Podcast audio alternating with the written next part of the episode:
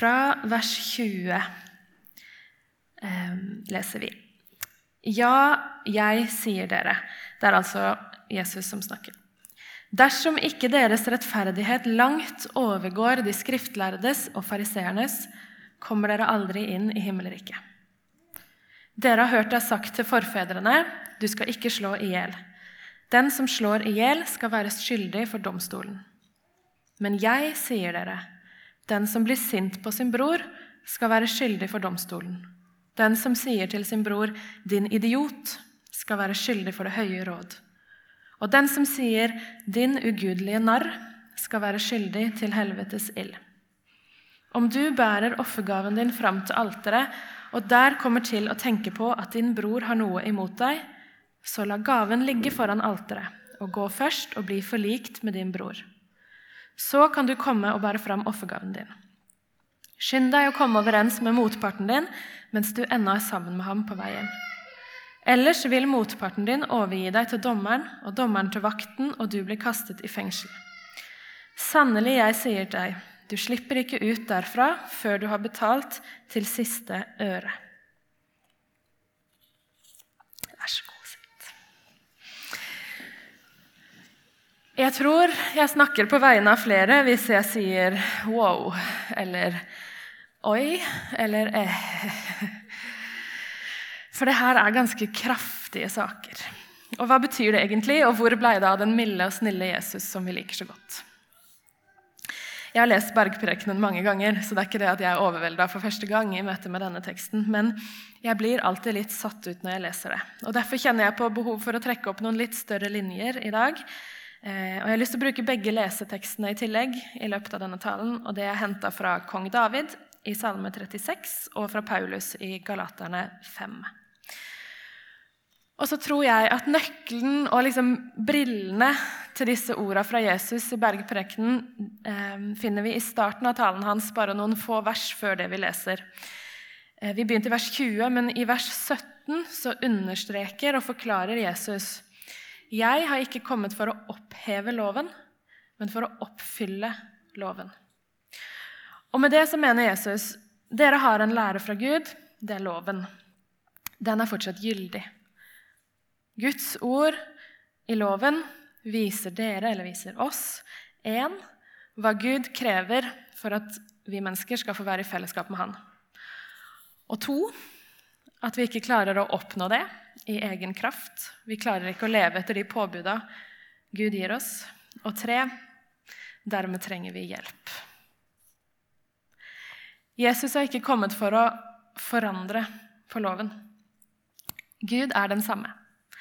Mennesket er fortsatt syndere som trenger hjelp, som aldri klarer å sette seg i en posisjon for å komme nær den hellige og allmektige Gud i egen kraft. Men det er en løsning. Jesus har kommet for å oppfylle loven. Og det er de brillene vi må ha på oss når vi leser disse saftige versene om hva loven innebærer. Det Gud krever av oss, det oppfyller Jesus. Jesus kommer ikke for å senke krava eller for å oppheve. Jesus kommer for å oppfylle. Jesus lever det livet vi ikke klarer å leve. Han seira over døden, over ondskapen, over synda for oss. Men loven forandrer han ikke på. Gud er den samme. Guds krav er de samme til oss. Men i troa på Jesus dømmes vi rettferdig etter loven. Det er nøkkelen for å forstå disse vanskelige versene. Og De utsagnene Jesus har i bergprekenen, dette er bare et lite utdrag, de har alltid fascinert meg, fordi Jesus er så hard. Og Jeg har liksom så ofte fått ham presentert som en sånn mild og snill variant. Og Gud er kjærlig. Og Jesus er kjærlig. Men Gud er også hellig og uforanderlig og rettferdig. Og da er Jesus også det, fordi Jesus er Gud. Og Han kom ikke for å lette på krava, men han kom for å oppfylle de og ta det på alvor. Og I Matteus 5 så har Jesus en rekke utsagn som starter og følger det samme mønsteret som det vi leste i dag. Og vi kaller det antiteser. Det starter med, og de har bygd opp etter denne malen, dere har hørt det sagt. Og så sier han noe, og så sier han, men jeg sier dere. Og vi hører i den måten det er bygd opp på, at Jesus kommer for å korrigere noe, for å, for å rette opp i noe, justere noe. Og Ved første øyekast kan det se ut som han kommer for å gjøre ting enda strammere, på en måte, enda vanskeligere. At det kan nesten se ut som han legger ting til men det han gjør, det er å ta tak i den læra som fins blant de jødiske skriftlærde. Dere har hørt er sagt, viser ikke til at det har stått noe i Bibelen eller i loven som han vil endre på, men han korrigerer forståelsen deres av det. Han henviser til tolkninga av loven. Og så sier han med autoritet, 'Men jeg sier dere'. Og det han sier der, det kommer ikke tydelig nok fram for oss og på norsk, men det er sjokkerende det han sier der. Det jødene hørte, det var at han tok Guds navn i sin egen munn. Når han sier 'men jeg sier dere', sier han 'men jeg er', sier dere. Og 'jeg er' er navnet på Gud. Han står der og sier 'i kraft av min egen autoritet', fordi jeg er Gud, sier jeg til dere at dette er den rette måten å tolke det på. De må ha vært sjokkert. Han sa at han var Gud. Og I dagens tekst så snakker han eh, og viser til budet fra de ti bud om at man ikke skal slå i hjel. Og Når han skal presisere hva som ligger bak den forståelsen, så trekker han det liksom enda lenger. Bare nå lager jeg sånn anførselstegn her, bare det å si noe stygt til noen er nok til at du skal bli dømt skyldig og uverdig. Og har du en fiende som har noe imot deg, eller noen du er i konflikt med, da er det ille ute med deg. Og hva er det Jesus vil med det her? Jeg tror han vil to ting. Jeg tror at For det første så viser han oss at vi har ikke sjans til å nå opp til den rettferdigheten Gud krever av oss. For Gud er hellig og syndfri og perfekt. Og hvis vi skal være det, så ligger lista skyhøyt. Vi har ikke sjans til å nå opp. Og det handler ikke om en sånn ytre rettferdighet, at jeg skal kunne gå rundt og si men jeg har ikke drept noen. Men det handler om inni oss, i hjertet vårt, tankene våre, holdningene våre. Det handler ikke om det ytre og den ytre rettferdigheten, men om hjertet vårt.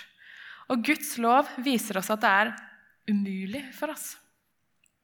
Vi er vi er ikke bare sånne som har noen synlige synder i livet vårt, men vi er gjennomsyra av synda. Men Jesus oppfyller loven. Han oppfyller krava for oss. Realiteten er realiteten. Synda har ødelagt alt mellom oss og Gud. Men når du leser i denne boka, her, så ser du at det stopper ikke der. Realiteten er også at Gud har grepet inn og sendt oss Jesus. Han har ikke senka krava, han har oppfylt krava. Og det gjør det enda større å få se hvem Jesus er, og hva han vil gi oss. Og Det andre jeg tror Jesus har lyst til å understreke, det er at selv om det er uoppnåelig for oss, selv om loven skal tolkes på en måte enda strengere enn det de skriftlærde har sagt i denne situasjonen i dagens tekst, så er loven fortsatt god for oss. Alle de høye krava, alle de krasse buda som Jesus kommer med i bergprekenen, det gir oss allikevel gode, gode, viktige idealer å strekke oss etter og si oss enig med Gud om at ja, dette er det som er godt for oss. Og vi skal få be om Guds hjelp og Guds kraft og vokse inn i det. Og så kan vi aldri bli frelst gjennom å klare å prestere det.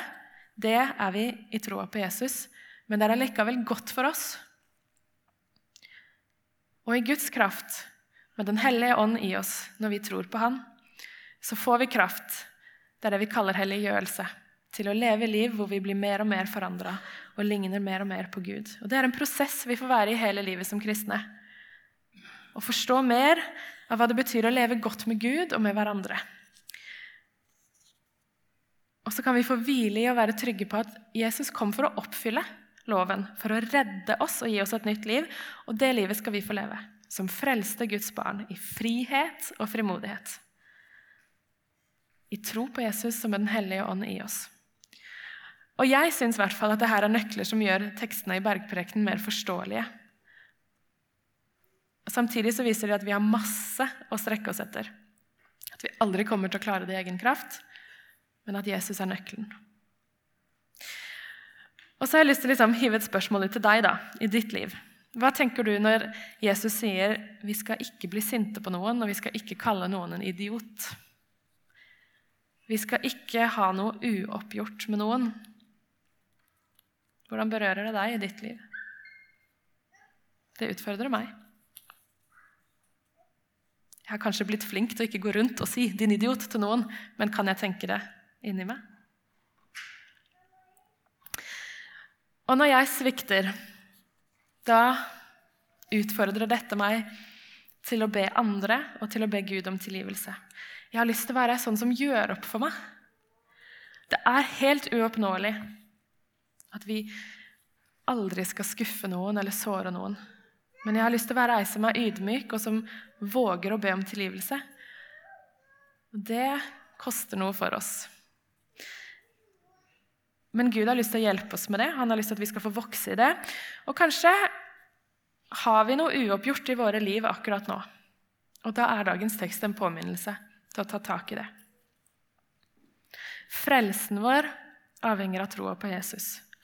Men livspraksisen vår blir endra av å leve livet sammen med Jesus.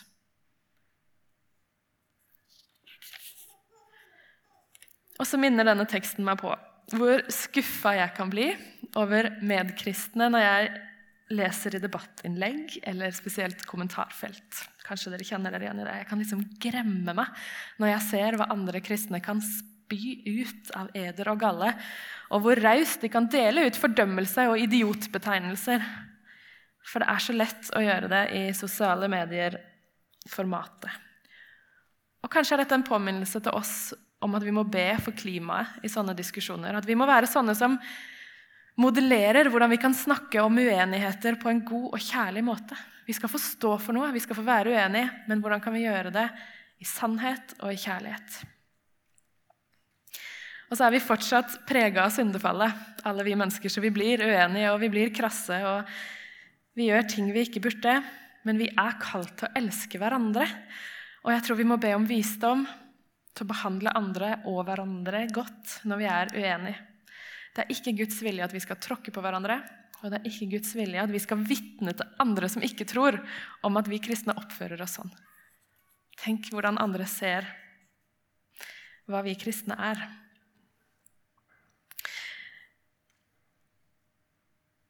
Jeg syns det er utrolig spennende å leve hverdagslivet sammen med Gud. Gud er livets kilde. Gud er nær meg fordi jeg tror på Jesus. Han er levende, virkekraftig til stede. Og jeg syns det er så spennende å åpne denne boka her og vite at her fins det masse jeg enda ikke har grepet. Masse Gud har lyst til å vise meg om hvem han er, og hva jeg skal få vokse i og få lære mer av. Det fascinerer meg grenseløst å vite at jeg, jeg, det er liksom ikke, Du kan ikke runde relasjonen med Gud. Du, du, når ikke full innsikt i hvem Gud er i dette livet. Og Det helhetlige gudsbildet vårt det formes av den Gud vi møter i Bibelen. Og Vi kan ha noen sånne forestillinger om hvem Gud er med oss når vi åpner dagens tekst i Matteus 5. Og det kan, liksom, det kan riste i oss når vi hører at Jesus er så streng, for kanskje passer det ikke inn i gudsbildet vårt. For vi liker liksom ikke den Jesusen så godt. Og så tror jeg at gudsbildet vårt det blir korrigert og det blir endra gjennom hele livet. For jo mer vi leser og jo mer vi lærer, jo bedre kjent blir vi med Gud. Og Da får han slippe til, og så får han justere tankene våre. Og så ser vi kanskje at ja, denne bergprekenens Jesus har masse å lære meg om hvem Gud er. Og De store byggesteinene i gudsbildet vårt de må på plass med en gang. Gud han er hellig. Gud han er rettferdig. Gud han er den som veit best hva som er bra for oss. Det er han som har skapt oss. Selvfølgelig veit han best for oss. Og Gud er også nådig. Gud er kjærlig. Han er en som lengter etter at vi skal komme nær til han. Og Gud forandrer seg ikke. Tenk for en kontrast hvis han hadde vært en lunefull, uforståelig Gud. Men Gud forandrer seg ikke. Og så skal vi forstå mer og mer og mer av hvem han er gjennom livet sammen med han. Og Denne teksten i Matteus 5 den utfordrer meg. Og den utfordrer deg, tror jeg òg, til å være gode mennesker. Til å være gode medmennesker. Livet vårt skal få vitne om at Jesus har autoritet i mitt liv. Han skal få forme og forandre oss innafra og ut. For vi har fått et nytt hjerte som lengter etter å ligne på Gud. Det er en bønn jeg tar med meg videre inn i tida etter denne talen og arbeidet med denne teksten. Og så sa jeg at jeg hadde lyst til å lese de andre tekstene også. Så vi skal lese Salme 36 først. Den minner oss på viktige egenskaper om hvem Gud er. Og kanskje er den en nødvendig lesetekst i sammenheng med bergprekenteksten. Vi er i Salme 36 fra vers 6 til 10. Herre, til himmelen rekker din miskunn. Din trofasthet når til skyene. Din rettferd er som mektige fjell, som det store havdyp er dine dommer. Herre, du berger både mennesker og dyr. Hvor dyrebar er din kjærlighet, Gud. I skyggen av dine vinger søker menneskebarna ly. De får nyte overfloden i ditt hus. Du lar dem drikke av din gledes bekk. For hos deg er livets kilde. I ditt lys ser vi lys. Guds miskunn, hans kjærlige nåde, hans trofasthet rekker til skyene. Hans rettferdighet står fast, og vi kan søke ly under hans vinger og nyte livet i hans nærhet. Jeg syns det er så deilig formulert. Gud er kilden til alt liv. På grunn av Gud lever du og jeg og i hans lys ser vi lys. Vi skal få be om å se livet med Guds blikk, med hans perspektiv. Det gir oss visdom til å forstå livet og møte livet på en bedre måte. Og til å forstå det vi leser og det vi lærer i Bibelen, på en bedre måte. Og I versa rett før det vi leste i Salme 36, så handler det utelukkende om det syndige mennesket, og hvor mye vondt og hvor mye ondt som mennesker velger å fylle livet med. Og det er vers som snakker sant om det som ligger i vår menneskelige natur. Det er det samme som Jesus viser til i bergprekenen. Vi er sånn som det faller naturlig for å velge det onde. Fordi synd er ikke de enkelthandlingene, men vår grunnleggende natur. Vi er ødelagt. Men Gud vi er mennesker som har vendt oss bort fra Gud, men Gud er trofast og rettferdig og kjærlig. Og det viser Salme 36 oss. Menneskene er sånn, men Gud. Vi er syndere, men Gud. Det er ikke håpløst. Vi har løsninga. Og så kan dette livet, da som syndere og frelst, som tilgitte syndere. Det kan oppleves som en kamp. Og det er den siste leseteksten fra Galaterne 5 eh, med å vise oss tydelig. At som kristne så lever vi et liv der synda i oss kjemper mot ånden i oss. Det er en kamp, men det er ikke håpløst. Og til slutt så vet vi at den, den store kampen Jesus mot ondskapen, den er vunnet. Men mens vi venter på å få tilbringe evigheten sammen med Jesus, så må vi leve med denne kampen hvor vi har Guds ånd i oss, som kjemper mot synda i oss. Vi leser fra Galaterne 5, vers 16. Jeg sier dere, lev et liv i ånden. Da følger dere ikke begjæret i menneskets kjøtt og blod. For kjøttets begjær står imot ånden, og åndens begjær står imot kjøttet. Disse ligger i strid med hverandre, så dere ikke kan gjøre det dere vil. Men blir dere drevet av ånden, er dere ikke under loven. Det er klart hva slags gjerninger som kommer fra kjøttet. Hor, umoral, utskeielser, avgudsdyrkelse, trolldom, fiendskap, strid, sjalusi, sinne, selvhevdelse, stridigheter, splittelser, misunnelse, fyll, festing og mer av samme slag. Jeg har sagt det før, og jeg sier det igjen. De som driver med slikt, skal ikke arve Guds rike. Men åndens frukt er kjærlighet, glede, fred, overbærenhet, vennlighet, godhet, trofasthet, ydmykhet og selvbeherskelse. Slike ting rammes ikke av loven. De som hører Kristus til, har korsfesta kjøttet med dets lidenskaper og begjær. Lever vi ved Ånden, så la oss vandre i Ånden. La oss ikke være drevet av tom ærgjerrighet, så vi utfordrer og misunner hverandre.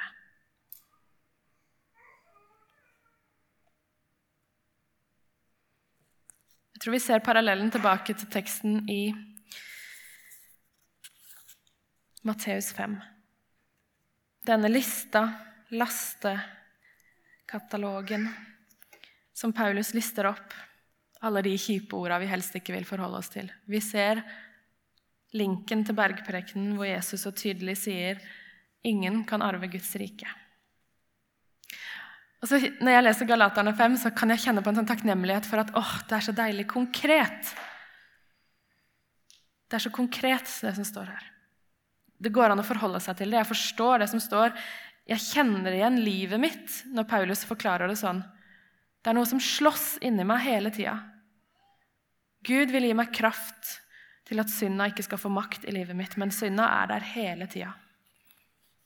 Kjøttet, synda som sitter fast i oss, kjemper mot ånden og Guds kraft i oss. Og Den kampen den vil utfordre oss på forskjellige måter. Men uansett hvordan det utfordrer oss, så kan vi vite og proklamere og være trygge på at kampen er vunnet. Den egentlige kampen er vunnet. Gud er sterkest. Jesus viste seg som seierherre. Han har vunnet over all død og vondskap. Og en dag skal vi få erfare det fullt ut. Og det vonde skal aldri overvinne det gode når vi er Guds frelste barn.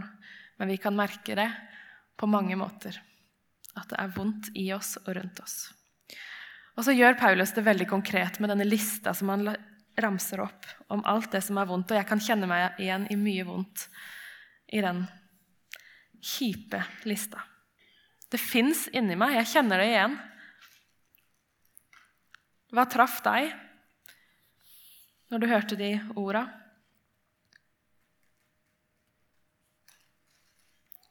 Det er vondt å innse det igjen og igjen, men, men det er en slags trøst i det òg. At jeg kan se utover dere og vite at ingen av dere får til alt heller. vi er syndere alle sammen. Men vi er tilgitte syndere i troa på Jesus. Og det er der det sanne og oppriktige livet med Gud begynner.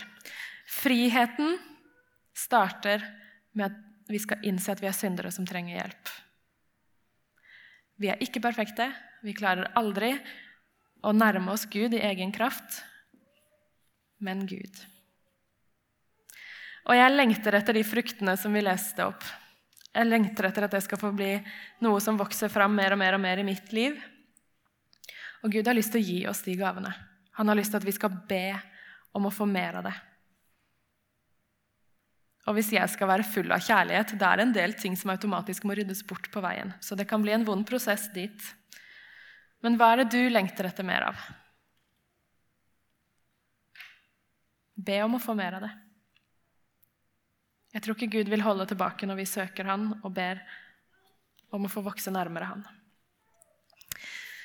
Så bergprekenens Jesus, det er vår Jesus. Han er den som kom og tok lovens krav. Han er den som tok Guds bud på alvor og oppfylte det.